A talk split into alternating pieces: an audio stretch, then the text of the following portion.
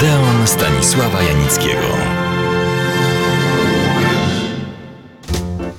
Przed tygodniem rozpocząłem swoją opowieść o feralnym trójkącie Ras Calambo, Karol Lombard i Clark Gable od prezentacji bohaterów tej szokującej i krwawej historii. Zakończyłem swoją opowieść zawieszając, niczym w dobrym filmie kryminalnym, akcję z zapowiedzią tragicznego wydarzenia, które miało miejsce 2 września 1934 roku.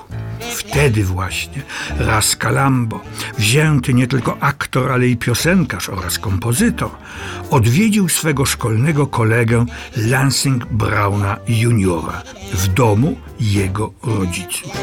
Dlaczego akurat wtedy odwiedził?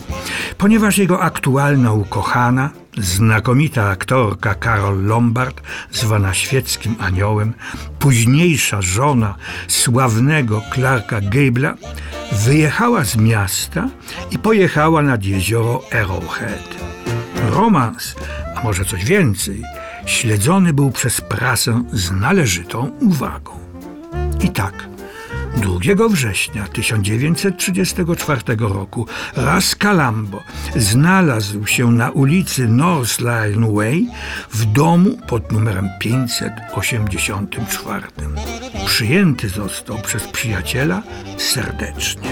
Przyjaciel był znanym kolekcjonerem starej broni. Jego dumą był stary pistolet pojedynkowy, więc z dumą pokazywał go przyjacielowi, demonstrując jego działanie nie czynił tego pierwszy raz. I nagle, niespodziewanie, pistolet wystrzelił. Okazało się, że od niepamiętnych lat był nabity, o czym nikt nie wiedział, i dopiero teraz, w czasie demonstracji, wypalił. Kula odbiła się od mahoniowego stołu i rykoszetem trafiła w lewe oko Rasa Calambo, wbijając się w jego mózg. Przyjaciel sądził, że siedzący w fotelu udaje, że został trafiony. Nachylił się nad nim, przemówił i w tym momencie wpadli do pokoju jego rodzice, zaniepokojeni wystrzałem, a wiedzieli, czym się ich syn zajmował. Natychmiast wezwali pogotowie, które odwiozło Rasa Calambo do szpitala hollywoodzkiego pogotowia. Ale tu nikt nie był w stanie mu pomóc. Przypadek był zbyt skomplikowany.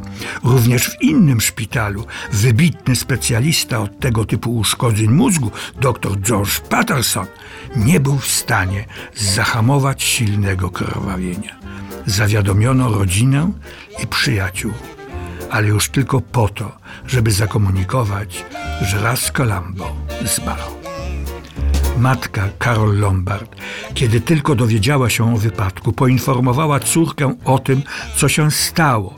Przybyła ona natychmiast do szpitala, ale jej ukochany już nie żył. A mieli ten wieczór spędzić razem u matki Karol. Dopiero po kilku dniach zdobyła się na spotkanie z dziennikarzami.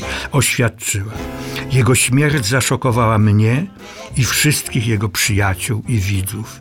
Nastąpiła ona w roku, który byłby przełomowym, jeśli idzie o jego karierę. Mówił mi o ciekawych propozycjach filmowych, ale też, co dla niego było bardzo ważne, nowym kontrakcie na występy w radio. Przed kilkoma dniami oglądaliśmy razem jego najnowszy film. Karol Lombard nigdy nie zapomniała swego przyjaciela Rasa Calambo. A kiedy pięć lat później wyszła za mąż za Clarka Gable'a, ten usunął z ich domu wszystkie pamiątki po rasie Calambo, ponieważ był przekonany, że to była największa miłość jego żony. Odbył się rzecz jasna proces. Sąd uniewinnił przyjaciela zmarłego. Pistolet miał 100 lat. Nikt nie wiedział, że był naładowany, a żadna z dotychczasowych demonstracji spustu nie spowodowała wystrzału. Choć uniewinniony, przyjaciel rasa Lansing Brown bliski był totalnego załamania psychicznego. Cały swój zbiór broni przekazał policji i oświadczył, że nigdy więcej nie chce go widzieć. Obie rodziny, sprawcy i ofiary, nie rościły jakichkolwiek pretensji.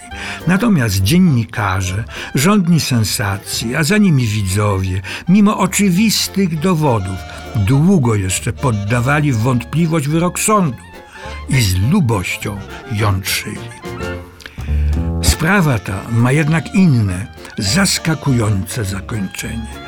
W tym samym czasie, kiedy miał miejsce ów fatalny wypadek, matka Rasa Colombo przebywała w szpitalu po ciężkim zawale. Lekarze i członkowie rodziny zdecydowali utrzymać w tajemnicy śmierć syna. Uzgodniono, że powiadomiona zostanie, kiedy polepszy się jej stan zdrowia ale jej zdrowie nie ulegało poprawie i decyzję ujawnienia prawdy stale odwlekano. Ona oczywiście dziwiła się, dlaczego syn jej nie odwiedza. Wymyślano najróżniejsze przyczyny, że pracuje w atelier, że wyjechał na zdjęcia albo za granicę. Wysyłano fikcyjne pocztówki, które miały potwierdzić jego nieobecność. Przekazano jej nawet wiadomość, że jej syn ożenił się z Karol Lombard i spędzają oni miesiąc miodowy w Londynie. I znowu nadchodziły pocztówki.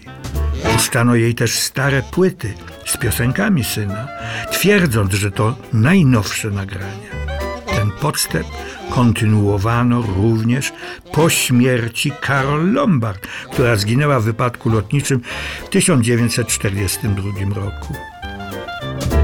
Ta niezwykła mistyfikacja trwała 10 lat do śmierci matki.